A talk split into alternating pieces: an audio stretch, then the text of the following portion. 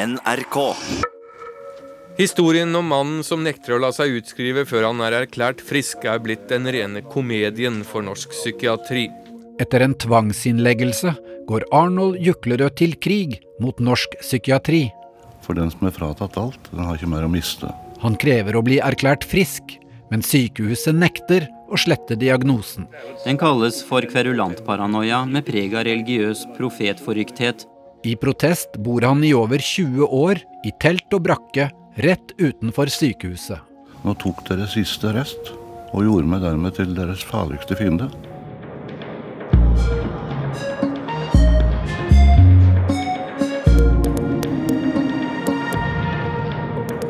Du hører på Diagnosekverulant av Kaja Frøysa. Den første av tre deler.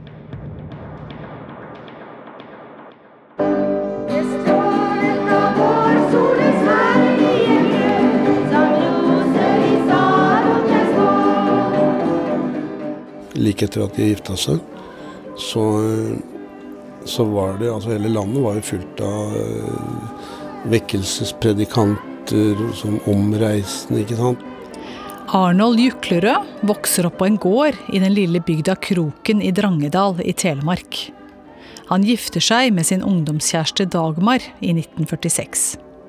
Det kan gå årevis før et moderne menneske får i tankene dette med Gud og evigheten, og hva skal mitt forhold bli til Jesus Kristus? Den ene var jo mer ekstrem enn den andre, så i den bygda som eh, far vokste opp, så var det en veldig sånn karismatisk eh, eh, vekkelsespredikant fra Vestlandet. Dette valget, hva skal jeg gjøre med Jesus? Da min far ble eh, med i denne sekten, og de var ganske ytterliggående. Nils Ivar er yngstesønnen til Arnold og Dagmar. Senere kommer alle til å vite at faren hans er han som bor i telt utenfor Gaustad sykehus, i år etter år. Spørsmålet er om Arnold jukler og er sinnssyk, eller om han bare er en mann som kjemper mot psykiatrien. Og han fikk jo da muligheten til å stå på talerstolen og blei mer eller mindre besatt. Arnold har en sterk og overbevisende talegave, og den egenskapen skal han få god bruk for. Han kom inn i en rolle der hans oppgave var å omvende min mor til den eneste riktige troen. Helt siden ungdomstiden jobber Arnold på anlegg. Han er med på å lage veier. Han får sertifikat som sprengningsbas. De som jobber sammen med han, sier at han er dyktig.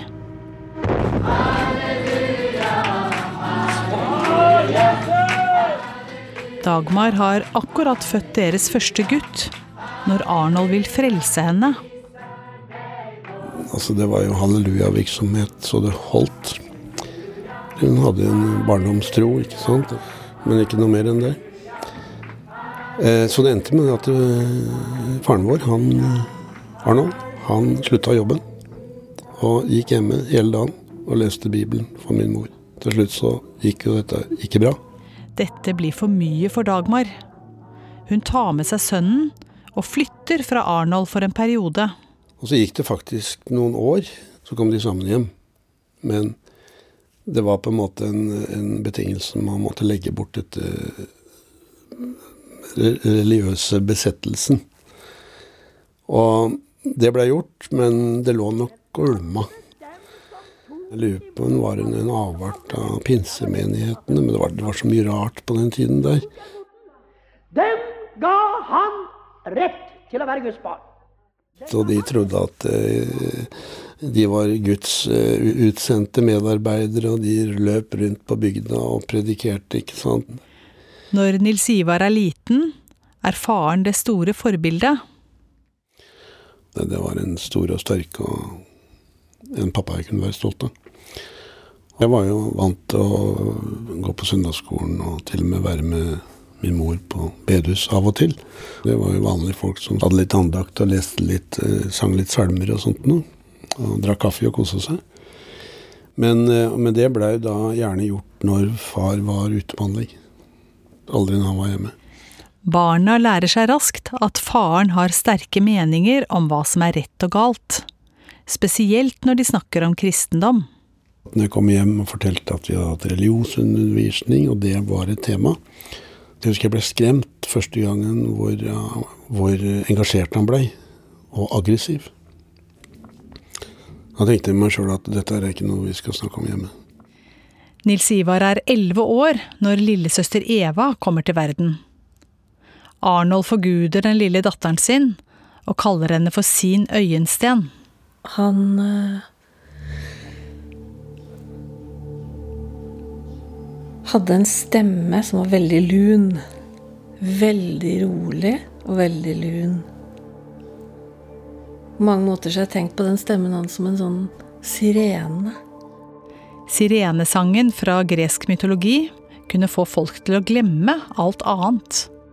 Sirenestemme som på en måte drar folk i en eller annen retning. Eh, For det gjorde han.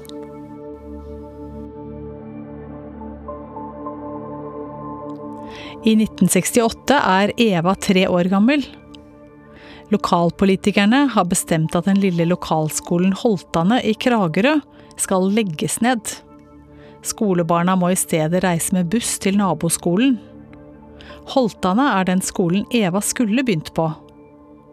Flere foreldre er sinte og opprørte over skolenedleggelsen.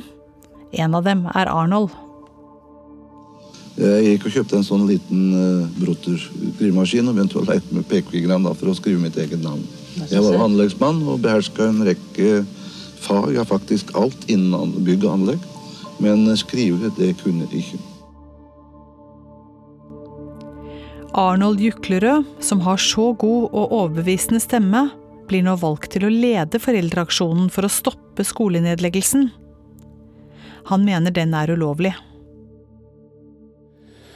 Og Holtanskolen, der som jeg hadde gått, fra første, andre, tre, fjerde klasse var det vel, var en av de mange som skulle bli nedlagt. Arnold skaffer seg en skrivemaskin og sender inn lesebrev til Kragerø-avisa Vestmar. Når han satt og skrev, så var det ikke noe spesielt god stemning i huset. I tillegg til å protestere mot skolenedleggelsen, inneholder lesebrevene lange rekker med bibelsitater. Og selv om innleggene også beskriver intime detaljer fra hans eget privatliv, kommer de likevel på trykk i lokalavisa.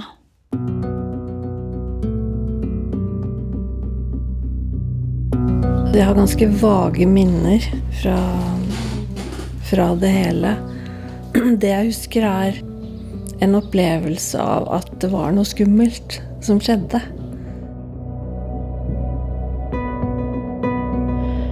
Når Eva er seks år, er det mye bråk hjemme. Jeg ble nok ikke forklart så mye. Det var mange følelser og stemninger og hendelser som jeg tok inn og opplevde som skremmende, tror jeg, men som jeg ikke ikke helt uh, satte ord på. Foreldrene krangler mye på denne tida, og en septemberdag i 1971 går det virkelig hardt for seg. En krangel som var veldig sånn ubehagelig og skremmende. Og jeg husker jeg løp ned i kjelleren og hentet en liten rød skistav. Eh, som jeg liksom kom opp og skulle forsvare mamma med. Eh, litt sånn målbevisst opp med den skistaven. Arnold og Dagmar står midt i et opprivende samlivsbrudd. Det var flere som var på besøk hos oss og sier at Arnold, nå, inklusiv noen av hans søsken, brødre, sier at nå, nå syns vi kanskje det ble litt for mye av det gode. Og så var det denne skjebnesvangre kvelden, da. Far satt oppe på fredagskvelden og skrev på skrivemaskinen sin inne på, i stua. Og vi hadde en sånn stilletiende altså Vi visste at vi kunne ikke forstyrre han, for han var ganske nærmest inne i en sånn av- det, det, var, det var en besettelse.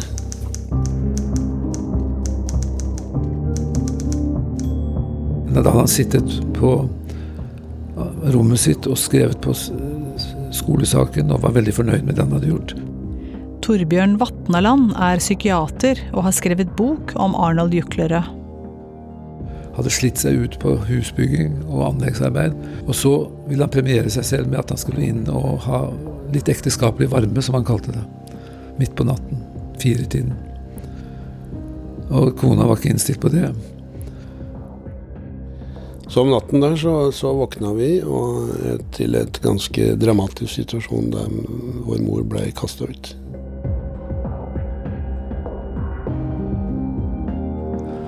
Og under tumultene så smalt ansiktet inn i en kommode, så hun fikk et stort blått øye.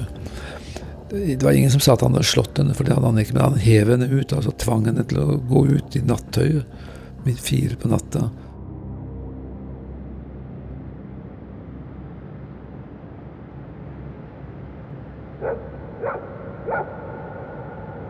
Og så reiste min mor ned til sin søster og svoger.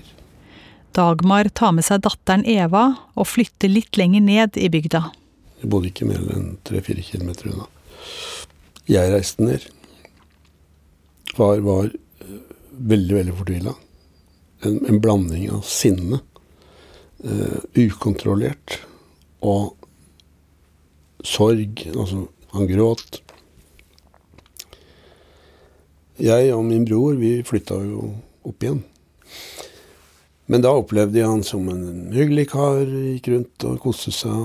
Men når han holdt på med skolesaken, så var det en helt annen person. Og innleggene i avisa i Kragerø blei mer og mer spesielle. Og han begynte å skrive om dette nærmest komplottet av Kragerø kommunestyremedlemmer, skolestyre og min mor. Han begynte også å skrive om eh, altså, seksuelle hentydninger med Guds ord. da det var jo et under at han fikk dette her inn i avisa. Arnold jobber fortsatt for fullt med sprengningsarbeider på anlegg, selv om det går mye tid til skrivingen. Vennene og kollegaene prøver å overtale han til å slutte å skrive lesebrevene. Og han kom inn i en periode der Bibelen lå oppslått, jeg var der, på bordet. Og han skrev, han skrev, han skrev. Og da var det vel nesten ingen igjen av disse aksjonskomiteene. Da hadde han blitt pålagt av Gud å få frem sannheten. Den ene fulle sannheten.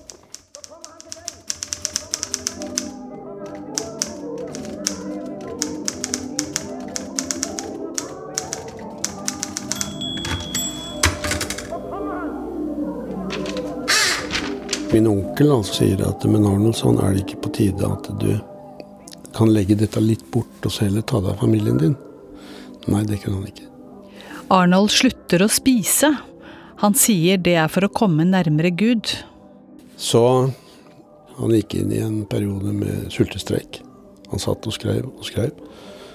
Drakk litt.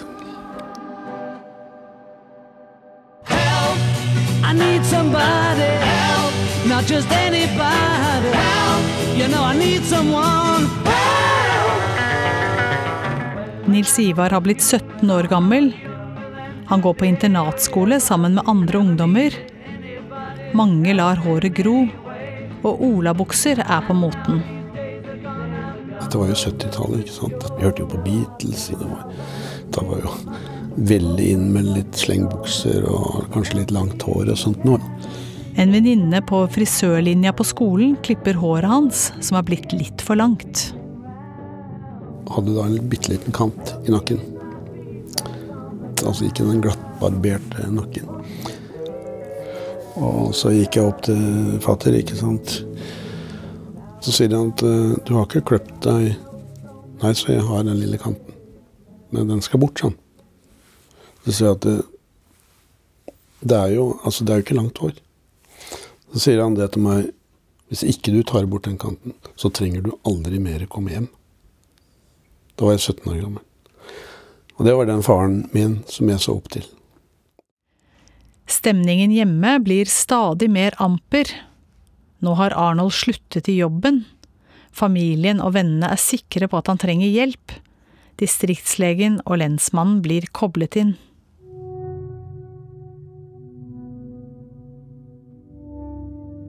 Uka etter krangelen om hårsveisen, den 22. november 1971, blir Arnold hentet av to lensmannsbetjenter og brakt til Gaustad psykiatriske sykehus i Oslo.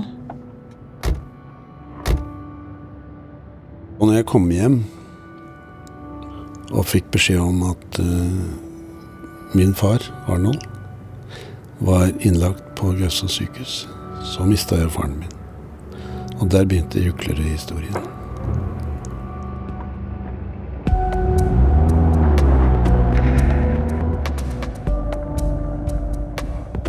Arnold har bare med seg en tannbørste og en tom lommebok. Ingen ekstra klær. Ingen bilder av barna. Ikke skrivemaskinen. Han tror han kommer fort hjem igjen. Den gangen som han ble tvangsinnlagt, så ble jo liksom de to familiene, mammas familie og hans familie, ble jo helt sparert også. Så alt som var av fettere og kusiner, og det ble liksom Det ble et brudd hvor hans søsken støttet faren min, og mammas søsken støttet henne. Overlegen som tar imot ham på sykehuset, skriver i journalen. Han er rolig, orientert på tid og sted og situasjon, ren og pen i tøyet. Det var jo en forferdelig opplevelse for meg å komme inn der og så oppleve at jeg ble fastholdt. Arnold forteller selv om opplevelsen. Så ble jeg innelåst da bak uh, lukkede dører sammen med disse menneskene. Det er en opplevelse som jeg aldri glemmer. Så begynner de å snakke om uh, medisin. Jeg sa nektet dette, jeg skulle ikke ha noen piller. Så lot de være, da. Legene mener han lider av en vrangforestilling om at skolemyndighetene har inngått et komplott med kona for å holde skolesaken skjult. Han får diagnosen paranoia, religiøs kverulant type. Han er en snill og grei pasient, som det er lett å komme i kontakt med. Hukommelse og intellektuelle funksjoner synes adekvate.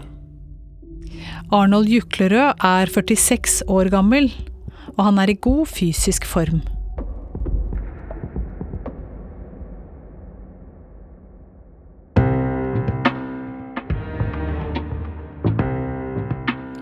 Etter fire måneder endrer tonen i sykejournalen seg. Legene skriver. Tiden her i avdelingen har han vært nokså radikal med sin kristne tro. Han skulle omvende medpasientene, og han er svært aggressiv mot personalet. Nå blir Arnold Juklerød overført til den tyngste lukkede avdelingen på Gaustad. Han blir låst inne, og han blir tvangsmedisinert med sprøyter. Han har hele tiden nektet å ta medisiner, men har mot sin vilje fått Trilafon-injeksjoner. Trilafon har en sterk dempende effekt på psykoser, og blir brukt ved schizofreni, mani og paranoia. Arnold får kraftige bivirkninger. Han får nye medisiner for å dempe bivirkningene. Pasienten er blitt svært utålmodig og vil utskrives. Sognepresten i Sannedal har et par ganger ringt. Han har fortalt at fru Juklerød er redd mannen skal hevne seg på henne når han kommer ut.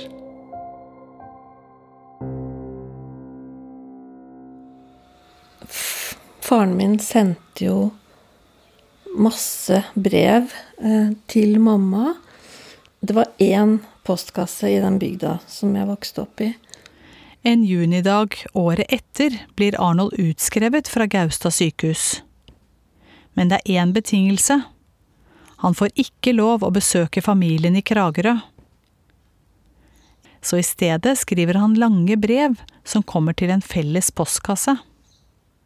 Og i den postkassa så fikk alle som bodde der, posten sin. Så gikk alle i samme postkassen og hentet ut sine ting. På forsiden sto navn og adresse, på baksiden var tettskrevet med injurierende beskrivelser av mamma.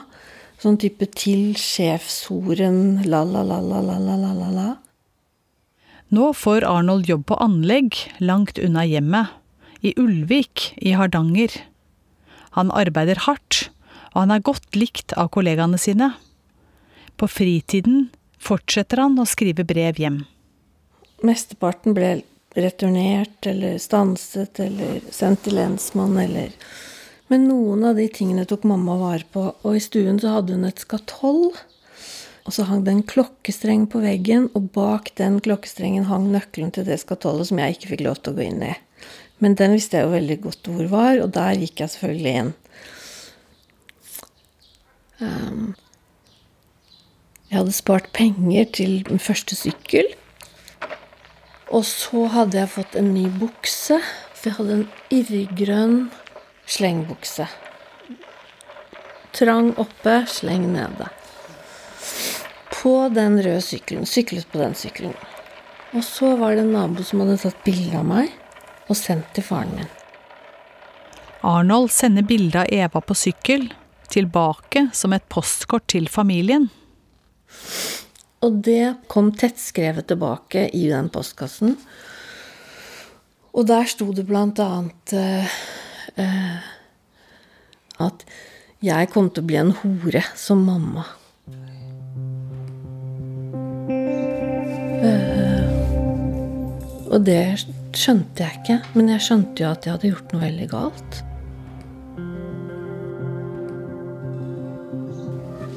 Og det lå i det skatollet som mamma hadde tatt vare på. Som jeg var og tok frem og tittet på og tittet på og tittet på. tittet på.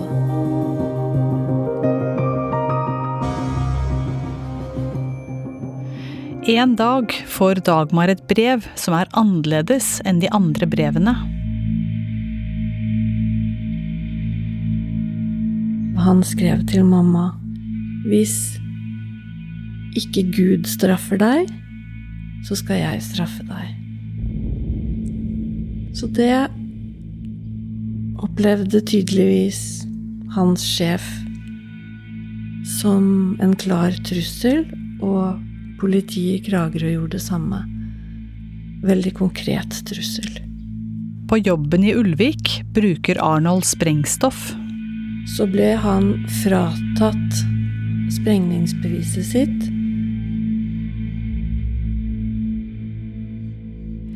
Selv om Arnold har besøksforbud, skriver han nå at han vil besøke sin lille Eva, som er blitt ni år gammel. Han vil ha med seg fargeblyanter til henne. Politiet blir varslet. En beskjed om at hvis Arnold gir tegn på at han kommer hjem, så måtte vi ut. På tross av forbudet drar han likevel fra anleggsjobben i Hardanger til huset i Kragerø. Men når han kommer, er ikke Eva i huset.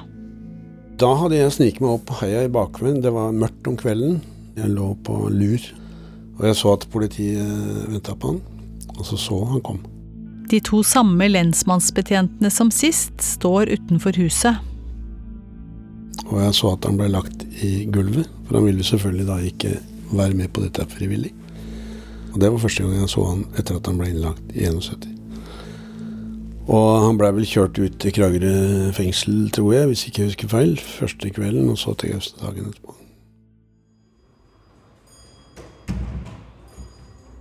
Legene skriver i journalen. Pasienten kom til avdelingen lørdag den 9.3. Han setter seg imot innleggelsen, men finner seg i situasjonen uten at det kommer til håndgemeng. Han er ordnet og kontrollert og i god kontakt.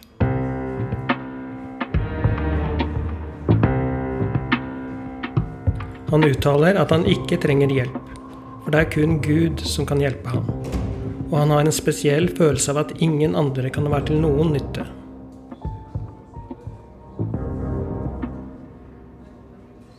Første gang jeg så ham, en mandag klokken kvart på ni om morgenen på vårt fellesmøte på den avdelingen som han var innlagt da.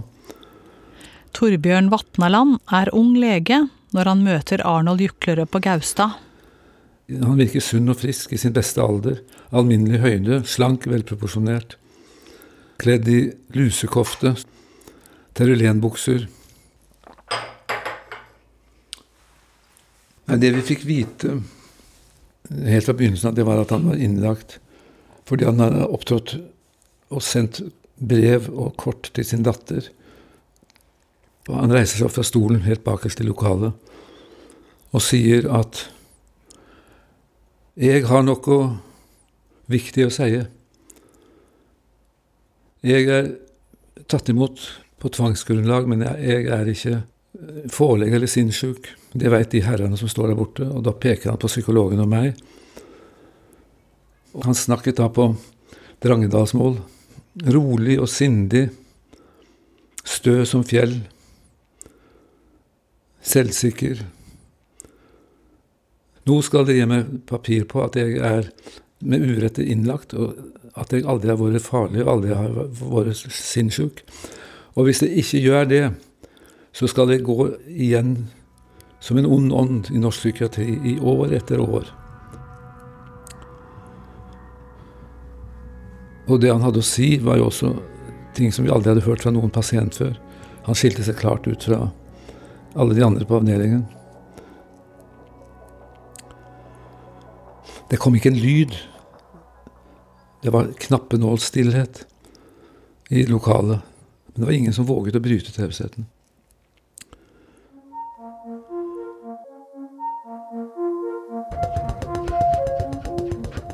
Dette var første episode av miniserien Diagnose kverulant. Følg historien videre. Han sa at jeg har vært sprengning i spas og sprengt mange vanskelige fjell. Men den oppgaven jeg har foran meg nå, i kampen mot psykiatrien, er den vanskeligste og farligste av alle.